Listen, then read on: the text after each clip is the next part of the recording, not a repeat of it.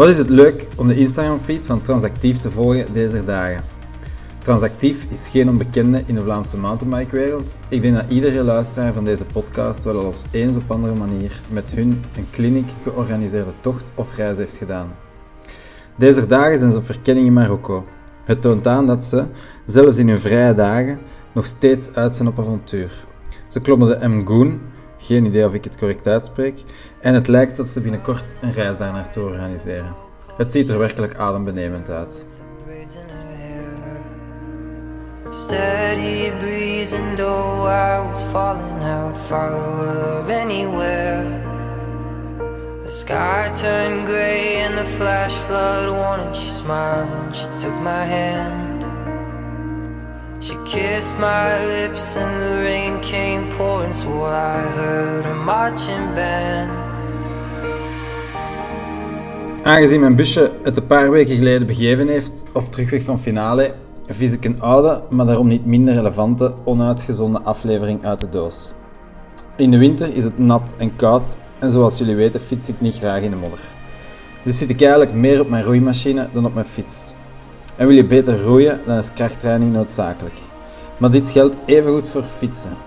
Of dacht je dat Wout van Aert zo'n been heeft gekregen door enkel met een frequentie van 90 toeren per minuut toertjes te draaien? Ik ben 200% zeker dat Wout 150 kg kan squatten. Kinesitherapeut Milan Kappelier zet met zijn zaak hier in Brugge sterk in op krachttraining. Ik ging bij hem langs voor een initiatie en vroeg hem achteraf er alles over. Veel luisterplezier!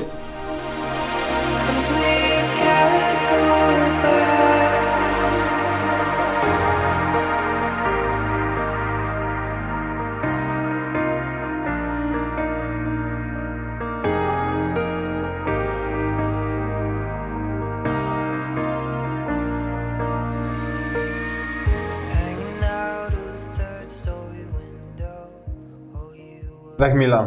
Hey. Uh, ben er gisteren komen krachttrainen. Juist. Ik heb iets te veel hooi op mijn vork genomen, denk ik. Een klein beetje stijf. Ja. Maar um, ja, ik, uh, ik zou heel graag eens jullie interviewen over krachttraining voor mountainbikers. Misschien een kleine intro daarover. Ik, ik luister graag naar de podcast Beter Worden. Zelf ook grote fan van. Ja? Zijn ondertussen toch aan het volgen ook. Ah, ja. ja. Zit aan aflevering 6. Ja, van Laurens ten Dam. Ja.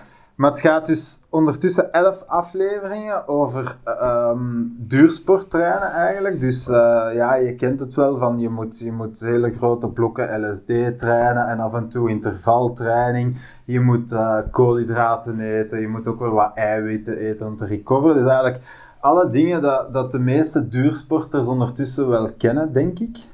Ja. Maar als je dan naar de, de Olympische Spelen baanwielrennen kijkt, die gasten die hebben zo'n espe um, en die zitten 50% van de tijd in de fitness, de echte spurters, Ja. de echte baanwielrenners. Ja. Uh, de roeiers ook, denk ik. En ik heb zoiets van, ja, duursporten en baanwielrennen, oké, het zijn wel twee verschillende sporten, maar ergens moet daar toch een compromis tussen de twee zijn, dat, Mhm. dat ook krachttraining voor duursporters toch belangrijk is.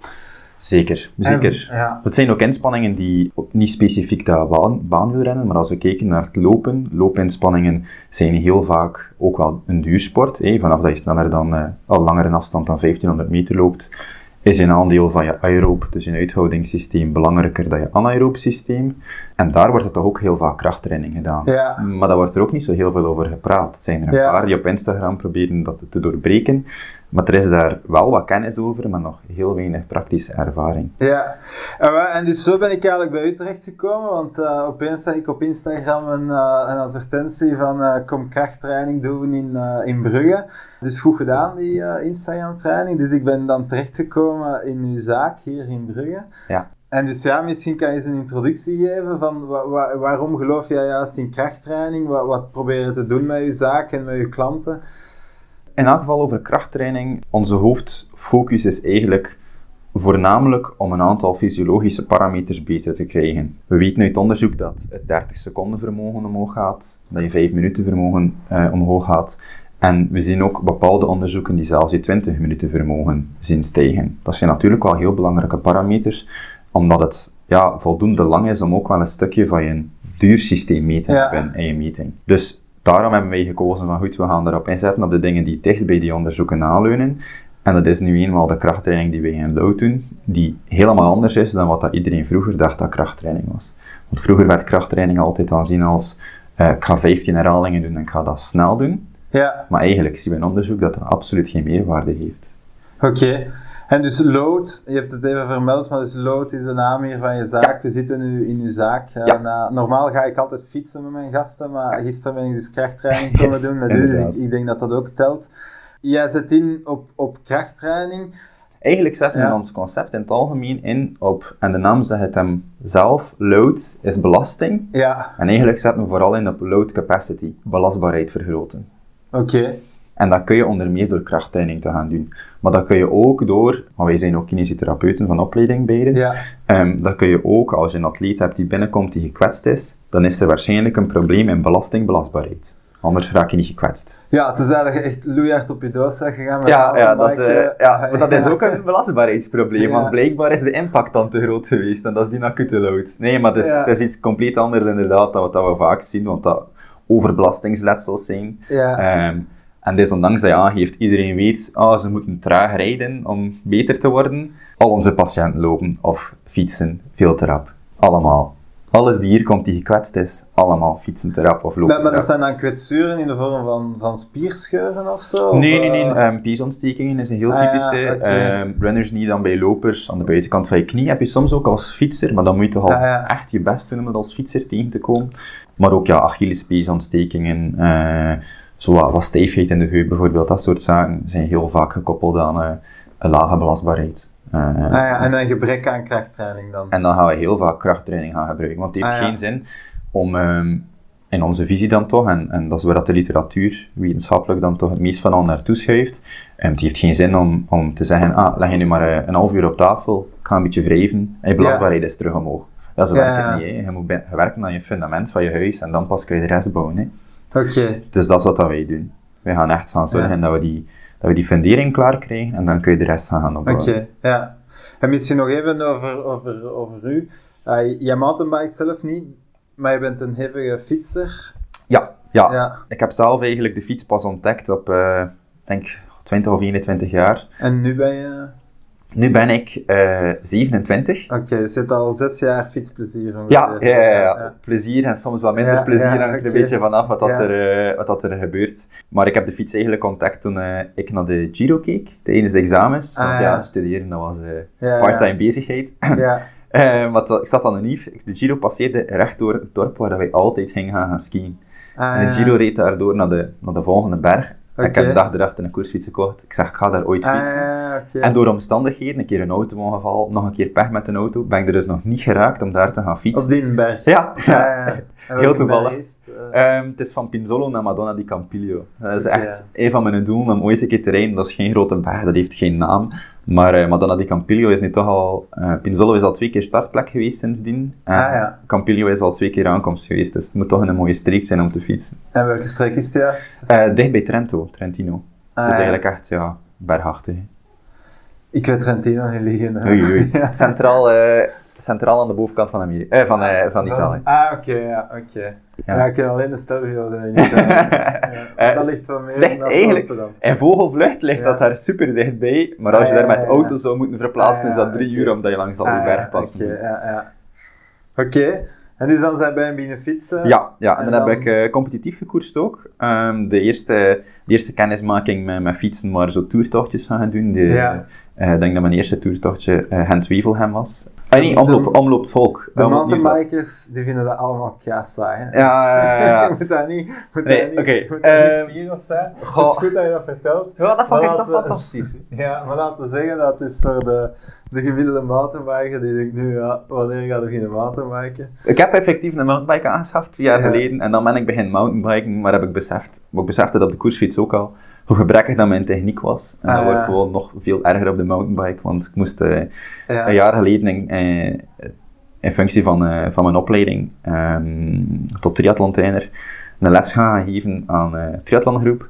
En die hadden gekozen om dat in de winter te doen en dat was met de mountainbike. En al die gasten reden vlotter over dat parcours dan mij. Het is zeer triestig. Ja, maar persoonlijk vind ik dat ook heel leuk aan mountainbiken, dat als je techniek bijschaft, ja. Dat is voor het leven. Terwijl bij de koersfiets kun je een bepaald seizoen echt super goed zijn Ja. en iedereen naar huis fietsen, maar als je dan drie maanden niks niet meer doet, je hebt, je hebt wat problemen of je hebt wat meer werk of je hebt, je hebt een moeilijke periode in je privé en je traint niet zoveel niet meer. Vaak is dat als je kinderen krijgt bijvoorbeeld, dan is heel die, die uithouding weer weg. Ja. Terwijl je, je, je techniek met mountainbiken, dat verleer je niet. Nee, nee, En dat is voor het leven. En dus als je daar aan werkt, ik vind dat persoonlijk heel leuk aan mountainbiken, dan, ehm, ja, dan ga je daar altijd plezier van hebben. Zeker. Ja, Zeker. Maar, ehm, Dat is dus mijn grote Ja. beperking. Oké. Techniek, Ja. En schrik, ook nog schrik om te vallen. Oké, ja. Ja. Maar uw kennis over krachttraining ehm, gaat sowieso van pas komen ook Ja. voor mountainbikers. Zeker. En voor, ik denk dat bij mountainbikers heb je denk ik, je hebt een aantal verschillende type mountainbikers. Hè. Je hebt het, hele, het hele extreme denk ik. Ik denk dat er weinig amateurs dat echt doen. Is een uur cross-country en als je die mannen bergop ziet rijden, dat is constant maximaal nachtslag en dan in Ja. de afdaling rec- recupereren en dan terug naar boven. En dan een keer of 50 in een uur. Dat is Ehm, eigenlijk een beetje te vergelijken met een evenbondkoers. Ongeveer een uur en een half is dat. Of, Ja. of beachracen is ook een uur vol een Ja. bak. Eh, Ja. Dat is eigenlijk een beetje dezelfde inspanning. Buiten dat je, altijd, dat je nog met dat hoogteverschil en techniek Ja, zit. En dan heb je denk ik meer de, de amateurs zoals ik, die dat ehm, regelmatig eens een, een toertocht doen van 4, 5 uur, maar waar dat de hellingen toch ook wel zeer pittig zijn. Eh, in tegenstelling tot met de koerssits, bij de je zo'n stokkeur of zo, daar kun je het mee vergelijken. In, Ja. in, ik weet niet dat je in Luik de stokkeur hebt, of, de Smijsberry is nu heel Ja. bekend. Dat zijn zo van die hellingen dat wel lijken op een mountainbike helling, zijnde dat je, dat je toch wel vaak je frequentie heel hard ziet zakken en, en echt op de pedalen moet gaan staan of, of goed in je zadel blijven zitten, maar heel hard duwen om boven te geraken. Ja. En dan denk ik, hoe meer, hoe meer vlees dat je in je benen hebt om te duwen, hoe, hoe meer kracht dat je kunt zetten, hoe gemakkelijker dat je gaat boven geraken. Maar je hoort er zo, wei- veel, zo weinig van, dus ja, ik vraag het misschien eh nog Ja. aan u, maar eh, ja. Hoe pak je dat beste aan om, om zo snel mogelijk zo'n hellingen te kunnen oprijden? Je hebt sowieso, afhankelijk van je verdeling van, allee, of, of de mogelijkheid tot trainingstijd dat je hebt, of frequentie, moet je dat eigenlijk altijd eerst starten met fietstraining te gaan doen. Ja. dat is sowieso de basis. Zolang dat je geen fietstraining doet, eh, ga je wel beter worden van bijvoorbeeld enkel krachttraining te doen. Je Ja. gaat wel sneller kunnen bergop fietsen, maar dat zal zeer beperkt zijn in tijd. Ja. Dus je moet het altijd aanvullen met fietstraining. Oké, ja. Maar vanaf dat je richting de 5, 6 en meer uur trainingstijd in een week gaat, ben ik ervan overtuigd dat krachttraining een meerwaarde is. Zeker in de winter. Frequentie van twee keer per week is voldoende en dat hoeft eigenlijk niet altijd langer te zijn dan, eh, dan een half uur. Daarmee kun je eigenlijk al perfect rondkomen. Maar, maar, maar, en dat vind ik het belangrijke, je moet ze eh, specifiek doen. Ehm, in die zin, dingen die niet nodig zijn, hoef je ook gewoon niet te doen. Eh, bijvoorbeeld mensen doen heel vaak, in mijn ervaring toch, eh, bijvoorbeeld wat stretching of core stability training. Ja, Dat is verloren tijd, dat werkt niet. oké. Eh, ik had als volgt zeggen, ze hebben een onderzoek gedaan, dat is nu wel specifiek bij lopers, maar proberen toch wel wat, wat duursportgericht te houden. Dus ze hadden lopers die, de ene groep deed stretching en de andere groep deed krachttraining. En ze zijn gaan kijken na zoveel maanden, oké, hoeveel zijn er nu gekwetst geraakt? Stretching had geen effect ten opzichte van de controlegroep. Dus Ja. evenveel kwetsuren bij mensen die eh, stretching deden, als mensen die niet extra stretchen. Krachttraining zag een reductie van 50% in het aantal letsels. Oké. Dat is wel mega veel. Ja, dus stretchen dan denk ik zo terug aan de lagere school, waar dat wij moesten proberen ons tenen Ja, te raken. En, eh, Absoluut niet nodig. ja, oké. En Dat heeft een ja. bepaalde reden. Wat je eigenlijk gaat doen, is je gaat je pees elastischer maken, of je spierweefsel elastischer maken. En dat zorgt ervoor dat je energieverlies hebt elke keer dat je spier samentrekt. Oké, ja, ja. Want dat wil je eigenlijk gaan, gaan, gaan voorkomen. Je wil eigenlijk hebben dat op het moment dat je duwt op je pedaal, dat je kracht efficiënt gebruikt wordt en dat je eigenlijk snel die pedaal in beweging krijgt. Ja, Alles van energiever, energieverlies door bijvoorbeeld verkeerde pedaaltechniek of ja, traptechniek, dat wil je gaan voorkomen. En een pees die bijvoorbeeld heel erg soepel is, is energieverlies. Want elke keer dat je bovenaan Ja, begint te duwen, moet je eerst die pees rekken en dan pas kom je pedaal in beweging. Ja, Mensen die in de bouw werken bijvoorbeeld, die zeggen van oh, krachttraining, ik heb dat niet nodig, want ik doe al heel de dag krachttraining. Ja, maar waarschijnlijk doe je het te lang en Ja. niet zwaar genoeg om effectief effect te hebben. Die eerste maand en een half, twee maanden zijn zij stijf van de inspanning dat ze doen. En daarna niet meer, want het lichaam is aangepast. Dus je, je wilt zeggen dat je toch eh, behoorlijk wat gewichten nodig hebt om je krachttraining efficiënt zeker, te maken. zeker een meerwaarde. ervan uitgaande dat je komt van oké, ik doe niks en nu ga ik iets extra van krachttraining doen, of dat dat nu met of zonder gewichten is, je gaat sowieso een winst hebben. Ja. Ja, sowieso. Maar wil je hem echt efficiënt maken, dan ga je toch wel wat extra gewichten Oké, want op Instagram tegenwoordig wordt je wel veel... Allee, ik word veel getarget. Misschien dat dat komt omdat ik... uh, veel opzoekingswerk Ja, af en toe een keer of iets verkeerd geklikt heb, ja. maar uh, zo van die heel gespierde mannen van de fitness-app en dan zeggen ze van ja, zonder extra gewichten, gewoon bij u thuis een mm -hmm. half uurtje en na drie maanden zou je er zo uitzien, gelijk dat die gasten... Uh, maar dus dat, dat, dat, dat geloof je niet. Of het is efficiënter als je het met gewichten doet. Wel, het is zo... Um, we denken altijd, als je kijkt naar bodybuilders, die ja. doen uh, vaak richting 8, 10, 12, 14 herhalingen. Ja. Stel dat ik elke week, zes weken aan een stuk, of langer, maakt niet uit, maar we gaan gewoon een, een idee nemen. Eh? Dus de zes weken, twee groepen. De ene groep doet 8 tot 12 herhalingen, zoals de bodybuilders, en ze Ja. gaan altijd tot vermoeidheid. Dat wil zeggen, ze kunnen niks extra niet meer doen. Oké. En de andere groep doet 2 tot 4 herhalingen, dus dat is helemaal het tegenovergestelde. Ja. Ook tot vermoeidheid. Ze kunnen ook niks extra niet meer doen. Qua hypertrofie, dus hoeveel spierweefsel dat je aanmaakt, blijft dat eigenlijk hetzelfde. Dus het maakt niet uit in welke, in welke rep range, dus in hoeveel herhalingen dat je zit, om spiermassa aan te maken. Dus als die gast zegt tegen jou van, ah, als hij 15 keer pompt en hij bent op dat punt vermoeid en kunt niet meer duwen, dan ga je hypertrofie hebben, want het maakt niet uit in welke rep range dat je zit. Oké. Je hebt gewoon volledig je spier uitgeput en dan gaan ze extra spiermassa gaan aanmaken. Ja. Maar spiermassa is zeker niet altijd geen voordeel. Als je bergop gaat, ehm, in mountainbiken dan bijvoorbeeld, Ja. elke kilo dat je meeneemt, ja, speelt wel in je nadeel. Ja, maar laat ik zeggen, allee, ja, prof ga ik nu toch niet meer worden. Nee, nee, nee, nee, nee, nee, nee. Ja, ik vind het precies niet erg om aan een kilo meer spieren te Nee, nee, nee. Allee, Eh, op een kilo spieren gaat het niet ja. aankomen, maar ik heb een atleet gehad die bijvoorbeeld creatine supplementeerde. Op het moment dat hij krachttraining deed, ja, die was 5 kilo zeker ook aan vocht bijgekomen. Ja, die Ah, ja. raakt geen berg niet meer op. Allee, Ah, toch wel, maar minder dan vroeger. Op het vlakke kan hij meer doen, maar bergop voelt hij van, oké, dit lukt niet. Maar dat is zijn eigen fout door te supplementeren met creatine, want ik heb dat gezegd dat niet, niet nodig was. Je ziet wel dat hij een grotere sprong maakt in spierkracht Ja, dan mij op dat moment, we waren dezelfde training aan het doen. Dat kan ook wel een stukje genetisch bepaald zijn, voor alle duidelijkheid. Maar zijn sprong was echt exponentieel groter op het moment dat hij begon met creatine. Maar als je dan kijkt, we doen het als ondersteuning van duursport. En we hebben een klimgerichte wedstrijd. Dan, heeft zijn, dan is zijn doel, of, of, of dan is, is zijn doel volledig overshoot. Want hij is gaan, gaan verzwaren en hij raakt niet meer goed bij. ah, ja oké. ja. Ja, dus dat moet je altijd een beetje, of dat probeer ik altijd in perspectief te houden. Vandaar dat wij proberen te verhinderen dat we ehm, spiermassa gaan opbouwen. Ah, ja. Dat dat voor veel mensen toch moeilijk is om... allee, niet Maar kan je, kan je aan kracht winnen zonder spiermassa op te bouwen? Zeker.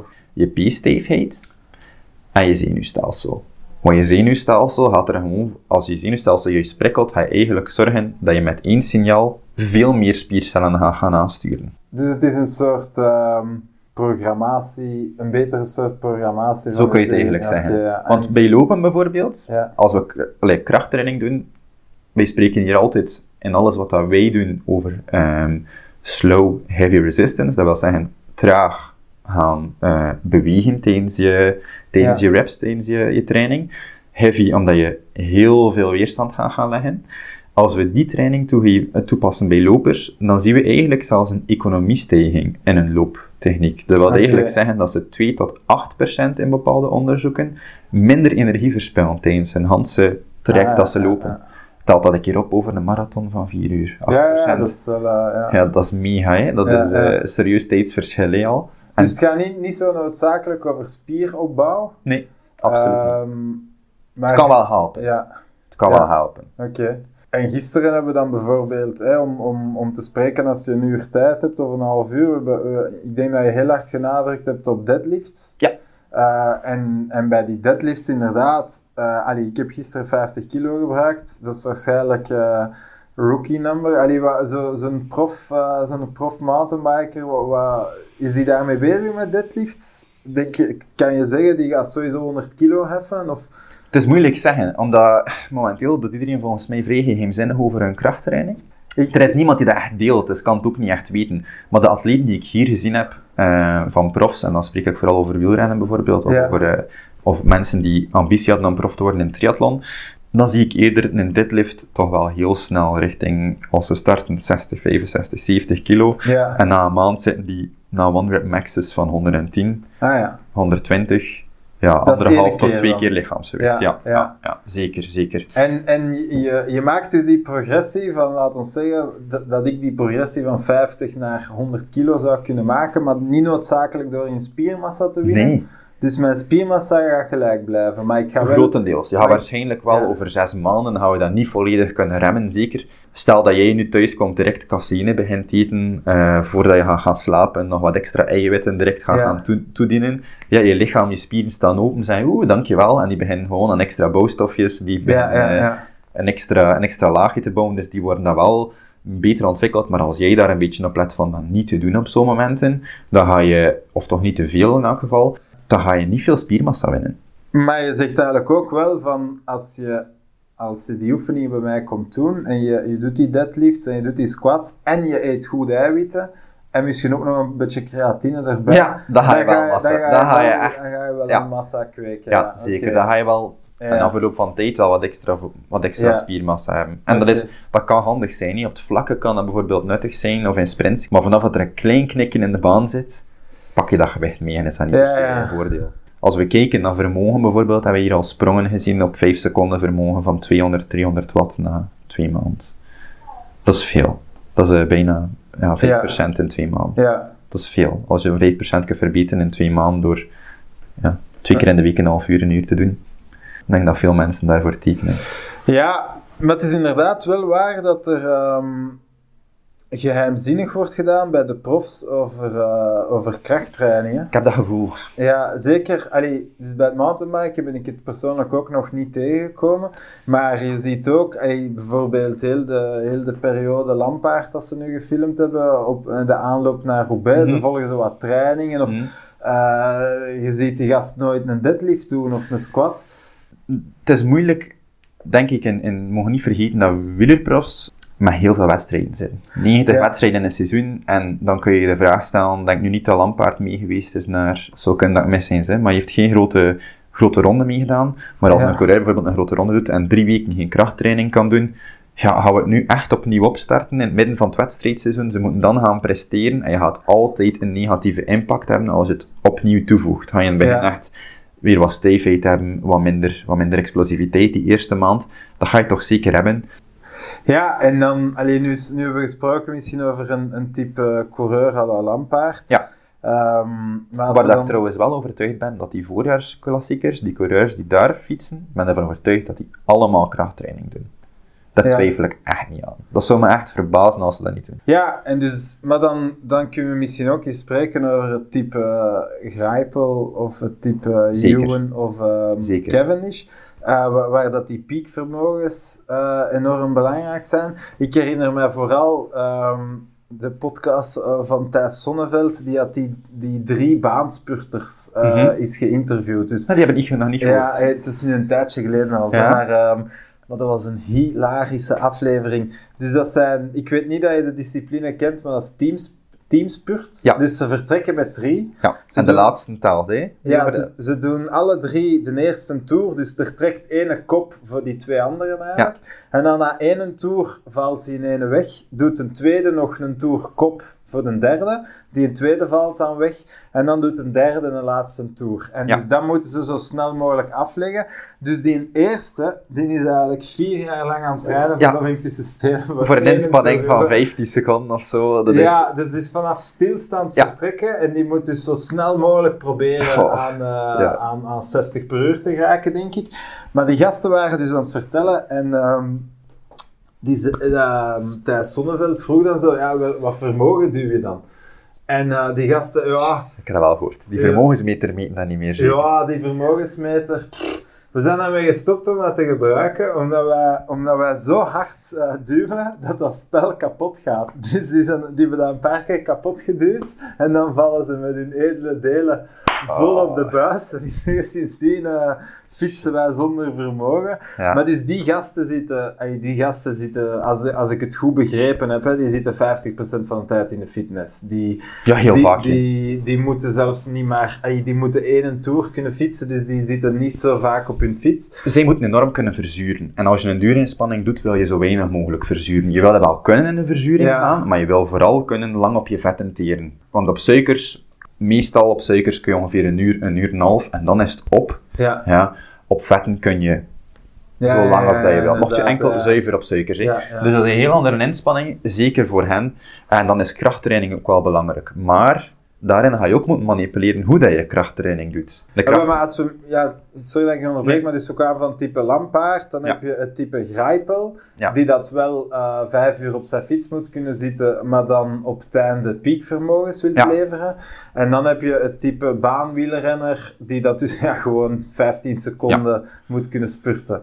Ehm, Daar zit je niet met je limiterende factor van gewicht. Dat is een mindere factor daar. in ja, inderdaad. Die, die mannen hebben ook letterlijk Ja, echt voilà. hespen waar dat je Ja, dat zijn echt in Spanje kunt verkopen en eh, drie En weken van kunt eten. Veel massa in de armen en in de... Ja.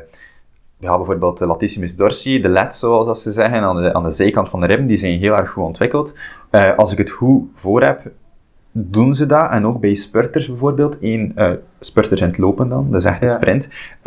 Eén, omdat je kunt trekken op je armen. Maar ook twee, je hebt meer spierweefsel, waar dat er dus extra creatine in zit. Je creatinesysteem kan ongeveer tot 10 seconden rekken. Maar hoe meer creatine dat je vrij hebt, hoe meer dat je gaat kunnen dus daarop teren. Ja. Vandaar dat ze toch ook die armen een stukje trainen. Oké, dus een spiertje in uw nek kan helpen om meer power uit uw benen te halen. Mogelijks wel, omdat Ja. ze wat extra volume hebben, maar gewoon over het algemeen over het lichaam verspreid. Maar als je kijkt naar een, ehm naar een Yves Lampaard en een Greipel, de training, mocht ik ze doen, zou daar pas in de laatste twee maanden verschillen.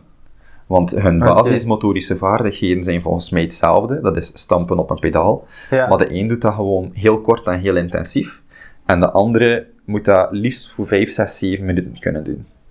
Dat is lampaard. Lampaard, ja. Een kasseistrook en dan Ja, terug dat is een iets langere inspanning. Hè? Dus wat wil ik daarmee zeggen? Bij bijvoorbeeld een Greipel-type zou ik dan op het einde misschien durven evolueren naar meer herhalingen, omdat we dan zien dat je meer verzuringssysteem ook gaat aanspreken. Bij een type Lampaard wil ik dat vermijden, omdat je dan te veel op suikers werkt. Dus dan gaan we nog altijd laag in de herhaling blijven, dus 2-4 reps, om een voorbeeld te geven. Maar als we dan terug naar type Greipel gaan, daar moet er zeker pliometrie in zitten, maar pas op het einde. En pliometrie is sprongkracht. Dat wil eigenlijk zeggen dat je echt zo die, die snap, zoals dat ze soms zeggen in Ja. het Engels, dat je echt hup en je bent weg. Dat je die acceleratie hebt, dat je naar die piekvermogens kan. Dat is ook wel handig voor Lampaard om erin te steken Ja. dan. Dat heeft een aantal voordelen, maar dat is veel minder belangrijk op dat punt. En hoe train je dan die, ehm, die piekvermogens of die... Ja, echt die snap is, moet je volgens mij altijd starten eerst met een brede basis te ontwikkelen. Eh, ik heb er een hekel aan als ik patiënten zie naar de knie gaan, eh loopblessure. En het eerste wat we doen is sprongkrachttraining. Als je kijkt naar de piramide van, van, van trainingsontwikkeling, dan staat sprongkracht praktisch bovenaan. Begin bij de onderkant. En dus de basis... de ja. basis is gewoon ehm, veel gewicht in eerste instantie gaan, opbouwen, het lichaam klaarmaken om die hogere Ja. impact te gaan absorberen. Als je dat gaat doen, als je de basis van je piramide groter maakt, dan ga je je punt ook hoger kunnen leggen. Oké. Ja. Je gaat je piramide door hem van onder te verbreden, gaat de bovenkant ook ontwikkeld worden. Ja. Als je enkel in het midden begint, ja, dan krijg je een ruit. Ja, en ja, dat gaat ooit wel een keer omvallen. En dus die basis, zeg je, dat, dat doe je dan bijvoorbeeld door, door te deadliften, eh, 10 reps met 50 kilo. Ja, wij gaan niet, Ja. niet veel meer dan 8 reps, omdat je vanaf Oké. 8 zie je dan verzuring. En dat willen we vermijden, omdat ik, ja. anders ga ik te veel impact hebben op jou als duursporter. Ah, ja. probeer ik te vermijden dat je te suikerdominant wordt. Allee, Ja. koolhydraatdominant in dat geval. Maar je legt er inderdaad met veel squats, allee, veel, beperking tot maximum 10, 12 herhalingen, eh, 10, 12 setjes per training. Ene keer 12 setjes, geen drie keer 12 setjes. Eh, nee, nee, nee, ehm, dus 12 setjes van 8 herhalingen bijvoorbeeld. 12 keer 8. Bijvoorbeeld, ja, Ah, dat is wel- verspreid over verschillende oefeningen. Oké, ja. Ja, dat is je limiet. Nooit ga je bij ons meer dan 12 sets doen. Nooit. Dat heeft ook bepaalde redenen. Je pezen en je botten zijn eigenlijk vrij lui in die mate. Meer dan 12 vinden ze eigenlijk niet meer zo leuk. Dan gaat er heel weinig aanpassing gaan, gaan gebeuren. 12, 12, Setjes. dus 12 keer 8. Ja. Oké, ja. Dus we zien dat, dat die eerste 8 keren hebben een giga-impact. En dan de volgende acht nog minder impact. En dan eigenlijk praktisch geen impact. Oké, maar laat ik zeggen, ik, allee, dus ik ben overtuigd van krachttraining. Ik Ja. ga naar een basic fit. Ik schrijf een oefening of 10 op, waarvan dat pompen erin zit, deadlift, squat, eh, reverse row. Ja, zo wat pompen gewoon eh, Mhm. met uw, eh, hoe heet dat, als je Eh, curls, curls. bicycle curls, gewoon om wat te patsen Ja. voor, de, voor de spiegel. Ook belangrijk. Ehm, eh, een keer optrekken. Dus ik maak zo'n oefening of 10. Ik doe die oefening elke keer 10 reps pakt. En dat doe ik drie keer. En dan ben ik twee uur bezig. Dat is veel te veel. dat is je. veel te veel. Ah ja, want dat is zo dat ik het doe. Nee, veel te veel. Ah, Je gaat enorm veel vermoeidheid opwekken en je lichaam gaat daar niet van recupereren. We doen het ondersteunen aan duursport. Dus we proberen één, de prikkel efficiënt te houden, maar we willen jou zo weinig mogelijk in de gym hebben. Als je graag gaat gaan fitness, mag je dat doen. Hè. Maar de Ja. meeste duursporters, this is a means to an end. Dit, heeft een, dit, Ja, ja, dit ja. is als ondersteuning voor hun sport dat ze het is graag waar dat dat het minst leuke is. Voilà. Van, Dus dan proberen we dat beperkt en efficiënt te doen. Vandaar Ah, dat wij ook heel oké. weinig core stability doen, omdat we dat toch trainen door deadlift te doen, dat we dat toch trainen door te squatten. Dus hoeft niet per se ondersteunend te zijn, of extra te zijn. Maar inderdaad, ja, 12 setjes is, is meer dan genoeg. Ja, ik ga misschien het, eh, de reden zeggen waarom dat ik dat zo doe, is omdat ik heb dan zoiets van, ja, ik moet in die fitness geraken, ik moet me omkleden, ik, moet, ik betaal daarvoor, Ja. Eh, ik ben hier nu toch. Bon, dan, dan zie ik geen reden om dat hier maar een uurtje te doen. Tuurlijk. Dan, ehm, is dat dan verkeerd van te denken? Of? Goh, ik denk dat... Ik zou het niet doen. Het heeft geen zin om, om drie uur te trainen als je met een uur hetzelfde kunt bereiken. Of Ja, 90% ja, ja. van het werk kunt bereiken. Dan ga ik het ook niet gaan doen. Dat is een beetje de luie atleet in mij. Maar we zijn ook allemaal nog bezig met een job. Of we hebben nog allemaal iets te doen. En we hebben nog een andere hobby. Of we willen met een partner afspreken of met maten. En als je dan daar meer ruimte voor hebt, is dat volgens mij een mega winst. Hè? Ik ga je helemaal achterover blazen. Op het moment dat we een deload week doen, dan ga ik maar naar vier setjes. Deload, dat is, ja. Ja, een rustweek. Ah, ja. Dat is ook zoiets dat oh, echt een ramp is in de fitnesswereld. Dat is eh, heel het jaar door vol een bak trainen, totdat je op reis bent, dan twee weken niks doen en dan weer vol een bak trainen. Dat is niet goed. Nee, Ja. je lichaam herstelt op het moment dat je rust. Dat klinkt vrij raar, dus je moet je trainingsprikkel aanbieden, je, je Ja. verstoort je lichaam, je brengt je lichaam uit balans. En op het moment dat je rust, of belangrijk daarin is, gewoon minder doen, maar nog wel, altijd, nog wel je intensiteit houdt, dan ga je zien dat je lichaam zijn balans terug normaal komt. En op dat moment word je eigenlijk sterker.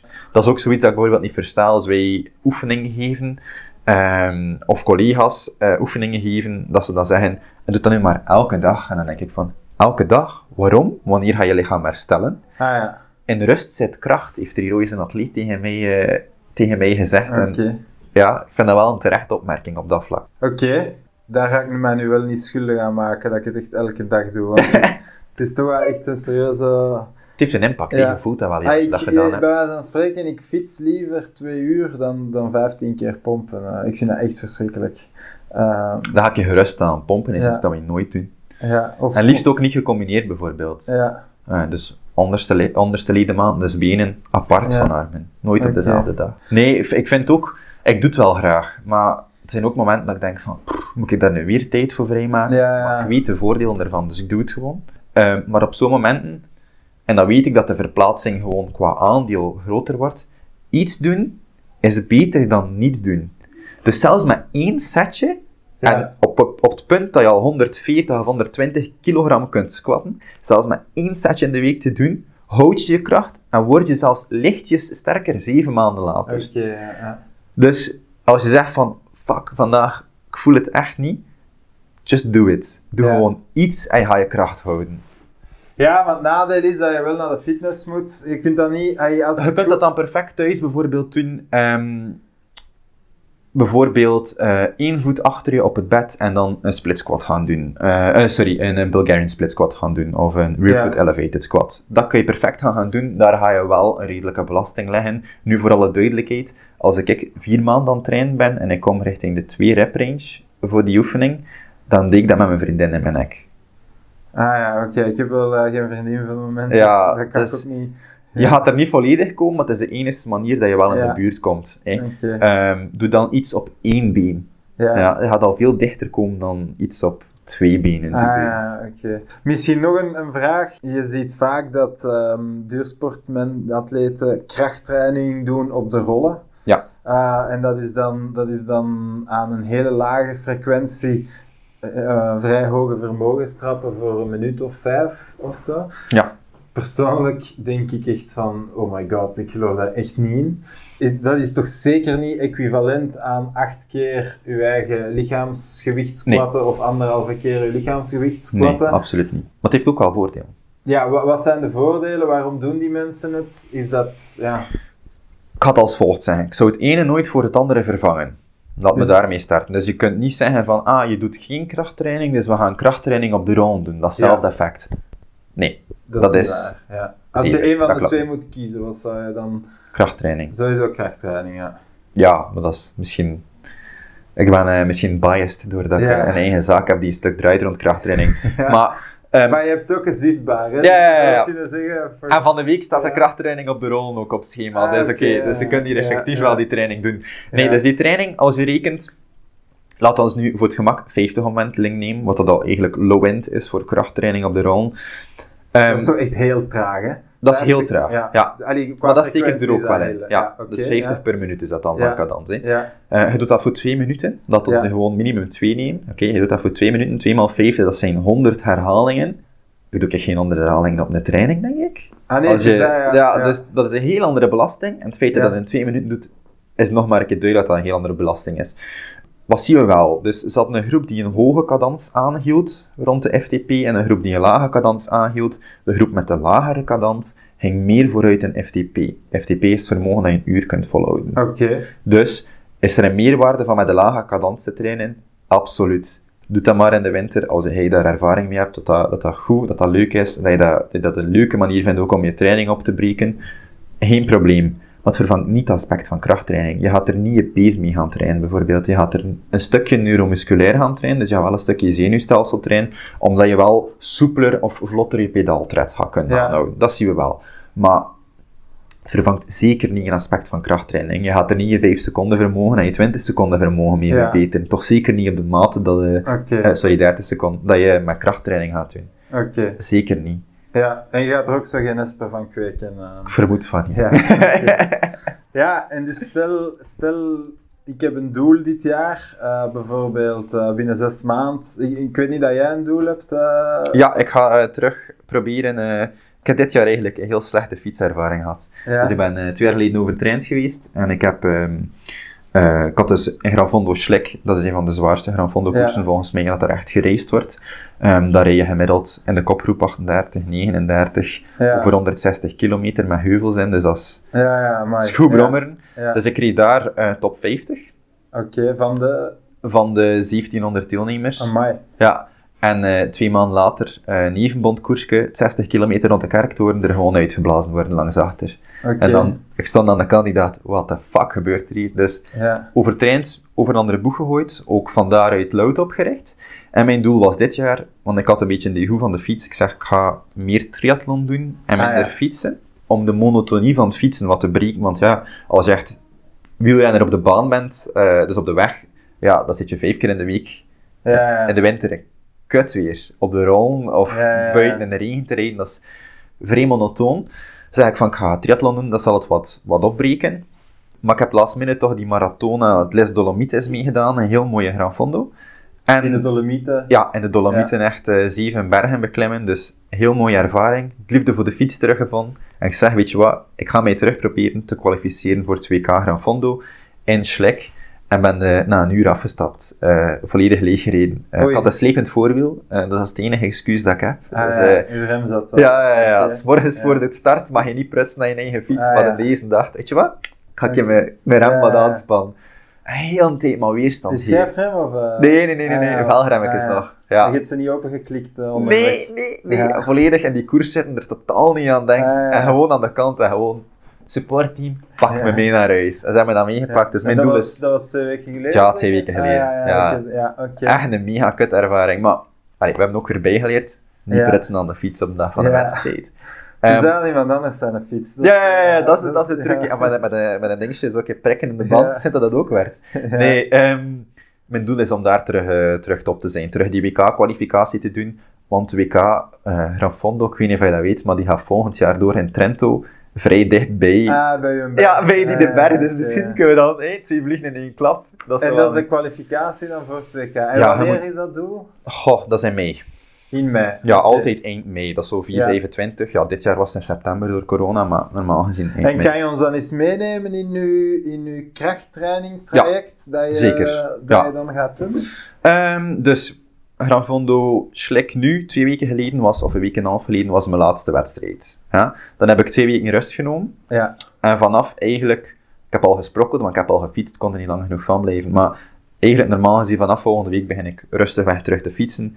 En die bouw ik dan uit. Maar vanaf dan start ik ook met krachttraining. Ja. En we zijn winter, dus ik geef voorrang aan krachttraining. Dat wil zeggen, als het drukker wordt, ga ik eerst mijn krachttraining doen en dan pas mijn fietsen. Oké. Omdat datgene waar dat je het eerste je prikkel aanbiedt, waarschijnlijk, denken we uit literatuur, hè, dus uit onderzoek, waarschijnlijk is die trainingsprikkel daarvan het grootst.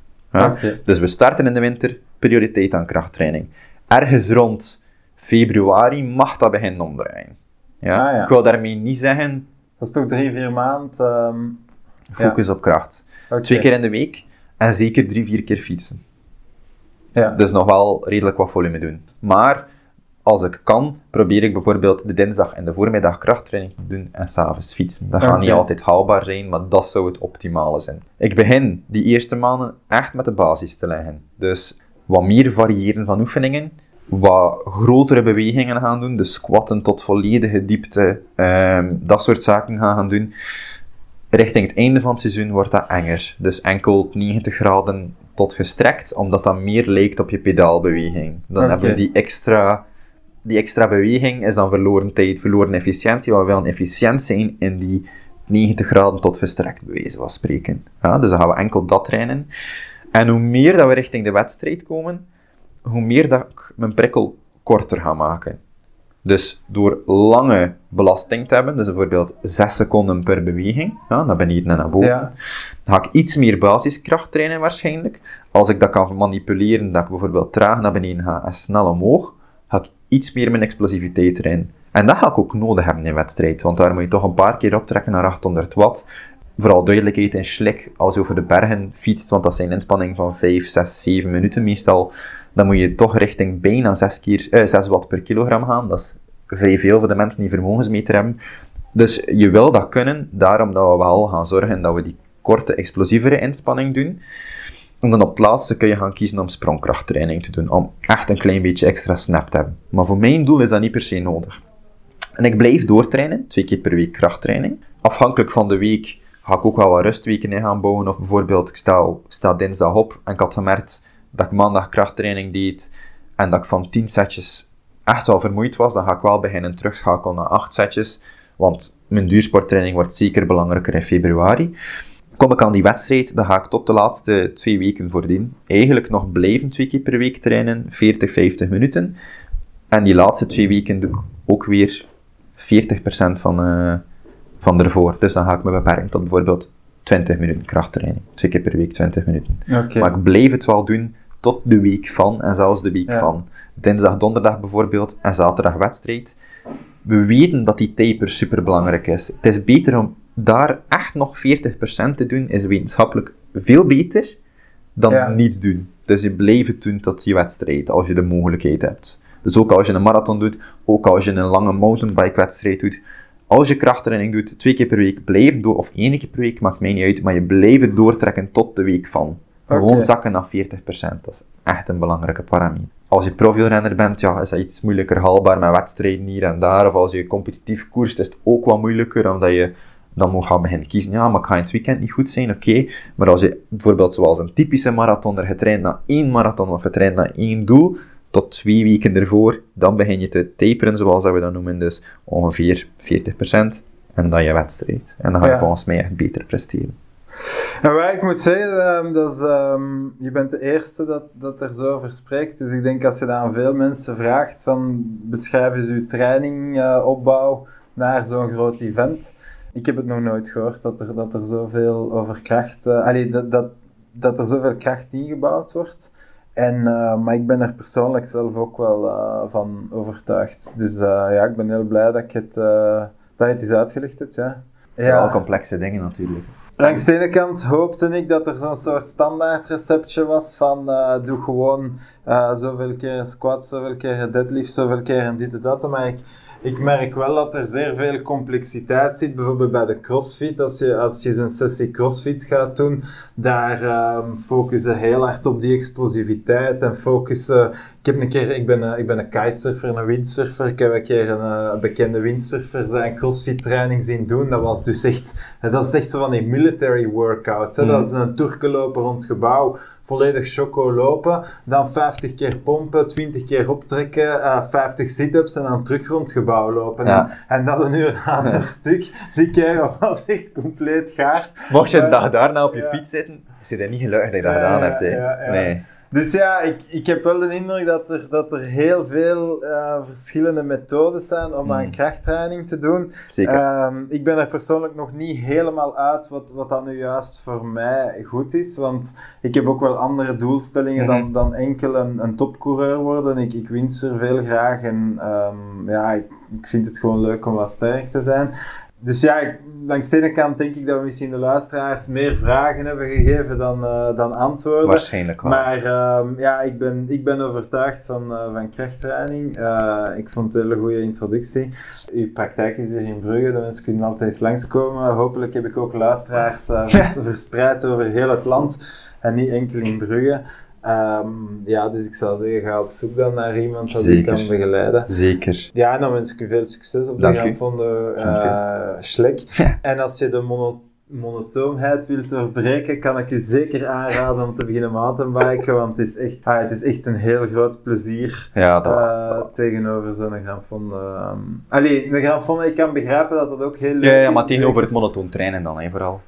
Ja, als je bijvoorbeeld met de mountainbike, is het niet echt monotoon. Hè? Het, is, het is gewoon super plezant elke keer. Ja, je zit altijd dus, aan het spelen in normaal. Ja, ja, ja, je moet wel naar boven rijden, maar um, ja, die afdalingen zijn zodanig leuk. Dan, uh, en je voelt je benen ook gewoon veel minder, omdat het leuk is. Terwijl bij de cursus uh, is dat echt op dat computer kijken ja, en, en, twee uur, en twee uur in de wind. Vooral dat dat wiel voor. Ja, en gewoon niet er wel weggaan. ja. Dus ja, ja, jij hebt mij overtuigd van krachttraining. Je weet dat ik je kan overtuigen van mountainbiken. Mm Maar uh, ja, oké. Okay. Milan, bedankt. Ja, hij bedankt. En uh, tot uh, de volgende krachttraining hier yes. in. Salut. Salut.